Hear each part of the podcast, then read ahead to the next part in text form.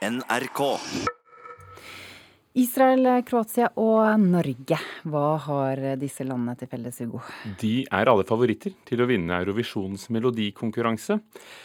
Melodi Grand Prix, eller Eurovision Song Contest. Det begynner i Lisboa i Portugal i kveld, med første semifinale.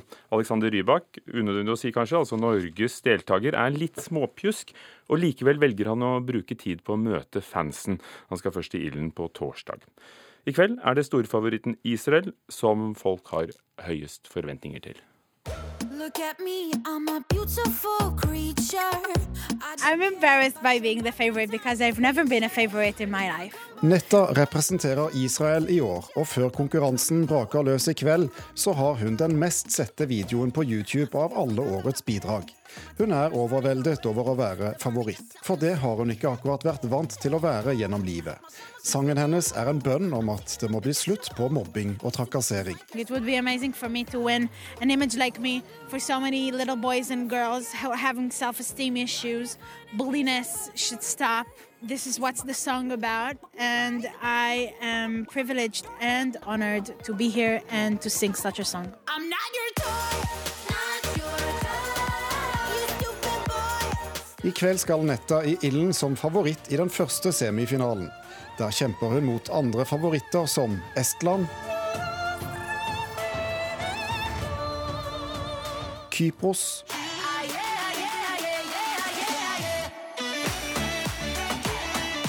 og Frankrike.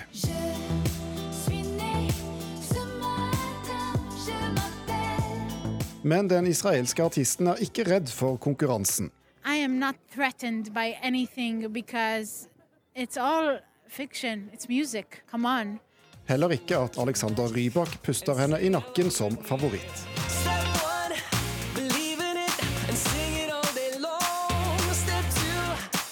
Rybak vil ikke selv spå hvordan det går i år.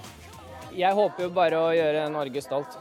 Det er, eh, det er et ansvar, men det er morsomt ansvar. Han er litt ordknapp om dagen fordi han ikke er helt i form. Men i går tok han seg likevel tid til et besøk på en lokal musikkskole i Lisboa, som ville øve inn vinnersangen hans fra 2009. Where should we position our bodies then? A little bit, yeah, a little bit to the left, so that we have room to breathe, right? Let's try that. 13. I kinda liked a girl I knew.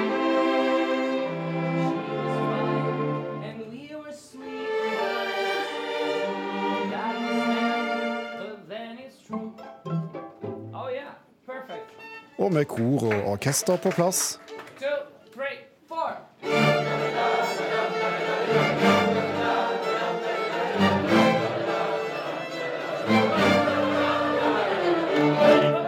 Dette her er kjempegøy. Dette her er så utrolig gøy. Dette har vi øvd på i noen dager. Men de har øvd tydeligvis enda mer enn oss. Men fra nå av er det fullt fokus på semifinalen, som for Norges del er på torsdag. Norske Jon Ola Sand er produsent og sjef for hele Eurovision-sirkuset.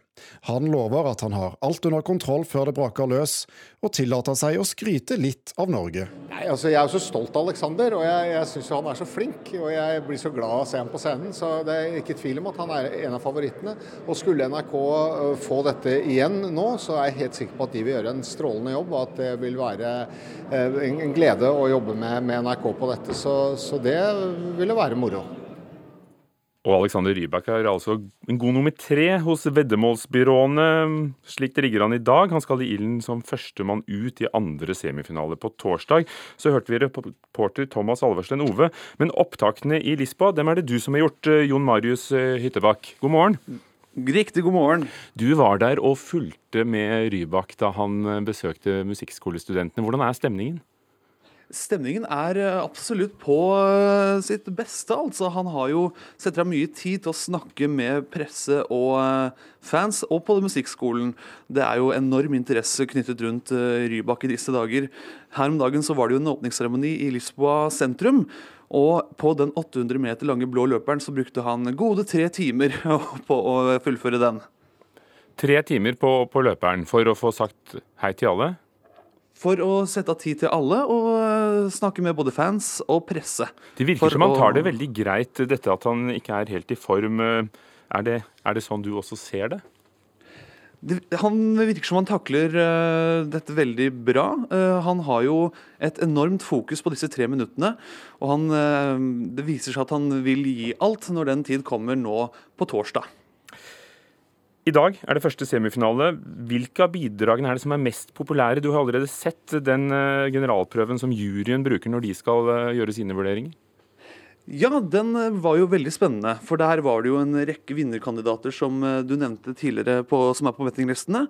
Det som er veldig interessant å se, er at etter disse juryprøvene så har Kypros allerede klart å eh, klatre nesten forbi Israel på bettinglistene. Så Israel er på vei nedover, mens Kypros er på vei oppover. I tillegg til det så har jo Estland de var jo deltok i går med en vakker operalåt. Den ligger også veldig godt an til å vinne. Ja, for det er jo Kypros eh, som er nummer to på bettinglistene nå, ikke sant? Ja, det er veldig nekk i nekk mellom Israel og Kypros. Det var bra vi fikk eh, oppklart, fordi vi kom i skade for å si Kroatia for litt siden. skjønner du. Eh, hva kan du si om når Rybak går på scenen som første artist under andre delfinale på torsdag? Det er det mange her som følger med på. Hvilke endringer er det de har gjort siden vi så den norske finalen? Det er egentlig veldig minimale endringer. Det er primært eh, copy-paste. Eh, den norske delegasjonssjefen var jo veldig fornøyd med hvordan eh, det visuelle uttrykket så ut i Oslo Spektrum i mars. Så Derfor var det veldig lite som skulle til for å få dette til å se bra ut her i Lisboa. Han hadde jo sine første prøver nå 1. mai forrige uke. Og da var det veldig god stemning. Da klatret vi opp til andreplass på bettinglisten, og så har vi holdt et ganske jevnt nivå i toppen siden da. Det høres ut like mye som en idrettskonkurranse som en, eh, som en sangkonkurranse? det har nesten blitt såpass stort, altså. Det er jo et gigantisk spekter på Eurovision Song Contest nå. Mm. Vi får se. Eh, første delfinale i kveld klokken 21, og så er Norge ut på torsdag. Takk skal du ha, reporter i Lisboa, Jon Marius Hyttebakk.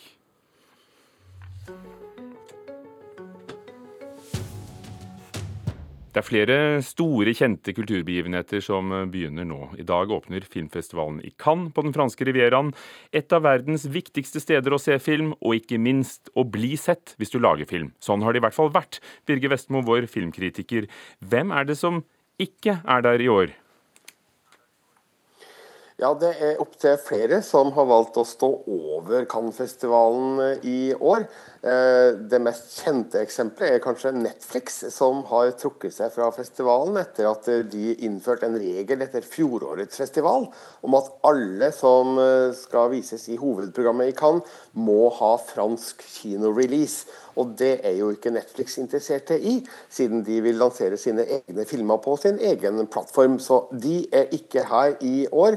Og det kan man jo bare spekulere i hvem det går ut over. Det kan tenkes at eh, Paul Greengrass sin Utøya-film 'Norway' med Anders Danielsen Lie i rollen som Anders Behring Breivik eh, kunne ha blitt vist her. Eh, vi fikk også indikasjoner på at Alfonso Cuarons oppvekstfilm 'Roma' kunne ha vært en av filmene som skulle vises i hovedprogrammet her.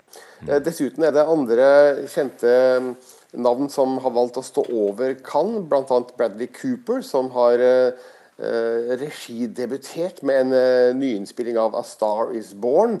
Luca Guadagnino, som er kjent for 'Call Me By Your Name', takka også nei til deltakelse med sin eh, nyinnspilling av filmen 'Suspiria'. Og Xavier Dolan, canadisk regissør, eh, valgte å jobbe videre med sin film 'The Death and Life of John F. Donovan' istedenfor å være med i hovedprogrammet. Og alle disse satser nok i stedet på noen av høstfestivalene, kanskje for å posisjonere seg sterkere mot Oscarsesongen. Så la oss heller snakke om uh, hvem som er der. fordi, uh, og for du nevner det, Cannes er fortsatt et viktig sted å, å være, er det ikke det?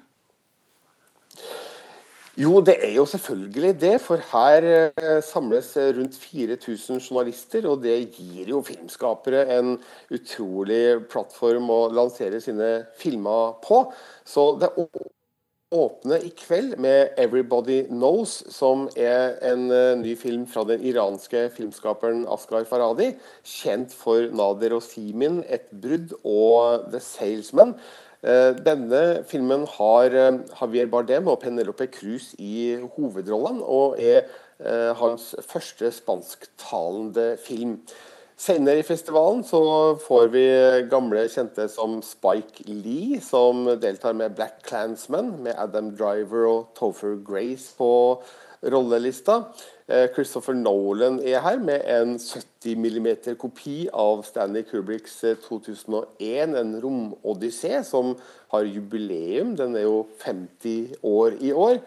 Mats Mikkelsen spiller i eh, polfilmen 'Arctic'. Der han spiller en mann som da er fortapt i polisen. Og så kommer jo da Star Wars-sirkuset til Cannes tirsdag om en uke.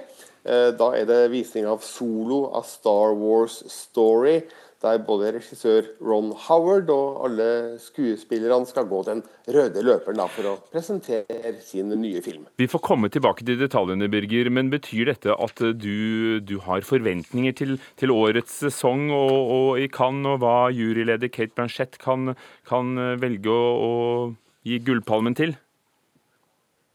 Ja, selvfølgelig. På papiret så ser hovedprogrammet sterkt ut. Foruten de jeg har nevnt, så finner vi jo nye filmer fra bl.a. Pavel Pavlikovskij, Kiril Serebrennikov og, og, mange andre eh, kjente navn. Så eh, det ser bra ut. Det er jo ingen som har sett noen av disse filmene enda, så det er jo vanskelig å uttale seg noe skråsikkert om kvaliteten på årets eh, filmer. Men eh, nå ser det ut som at festivalledelsen har eh, prøvd å fornye seg litt. Og satse på litt nye og yngre filmskapere, samtidig som en del gamle kjenninger som man hadde forventa skulle være her, ikke deltar under årets Cannes. Takk skal du ha, Birger Vestmo. Et godt sted å, å holde seg oppdatert på filmfestivalen Cannes er jo da nrk.no film, altså Filmpolitiets sider.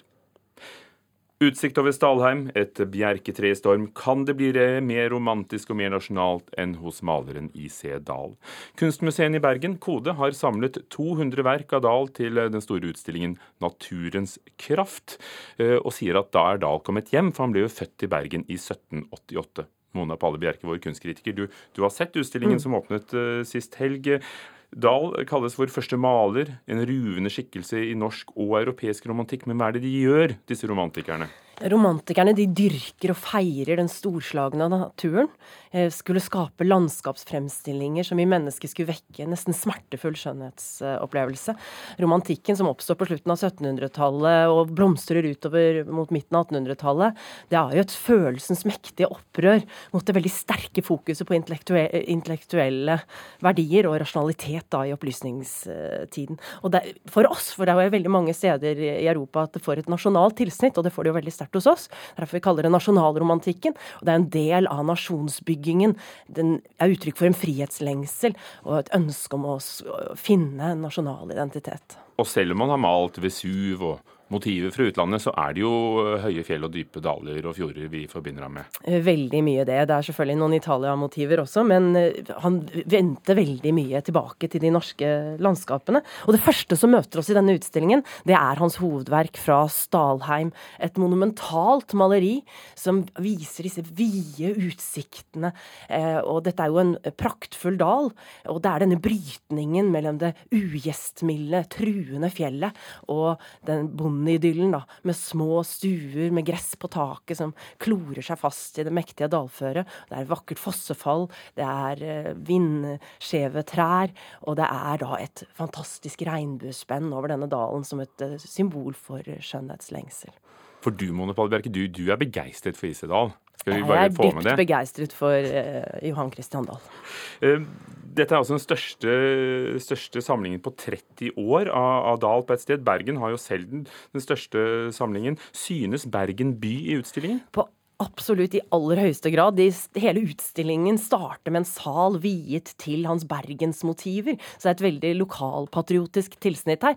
Og det er veldig gøy, for vi ser jo da f.eks. utsikt over Bergen fra Vågen. Et bilde fra 1834 hvor vi ser innover Bergens bylandskap med Mariakirken, Rosenkrantztårnet og Håkonshallen. Vi ser Ulrikken og Fløyen, og det er denne fantastiske morgendisen og skip som seiler seiler innover Vågen. Så det er jo selvfølgelig veldig gøy for bysbarn, men også for folk, andre folk som er uh, glad i Bergen. Hvordan har de lagt opp, og, og, og har de gjort det på en god måte? Ja, Det er gjort kronologisk eh, til å begynne med gjennom studietiden, hvor vi får se hans utvikling fra han er liksom en naivistisk rokokkomaler, håndverksmaler, til han gjennom københavnertiden finner gradvis sin form, og særlig da i Dresden, der han virkelig blir den sofistikerte mesteren av en maler som han eh, til slutt eh, blir. Og dette er det veldig morsomme ved utstillingen, det at vi ser utviklingen hans, hvordan han virkelig dannes kunstnerisk. Eh, og så går det inn i mer en tematisk inndeling, med verksgrupper. Det er måneskinnsmotiver, det er elvelandskaper og det er havlandskaper. Men jeg var nok skuffet over at ikke de klarte, og kanskje ikke engang prøvde, å trekke opp noen nye perspektiver og vise oss Dal i et nytt lys. For det, det kunne man jo kanskje forvente. Men bortsett fra det, så er det veldig morsomt å se så mange bilder av Johan Christian Dahl. Naturens kraft, altså. Den ser du. Naturens kraft på Kode i Bergen til og med oktober. Takk skal du ha, Mona Pali Bjerke, vår kunstkritiker. NRK.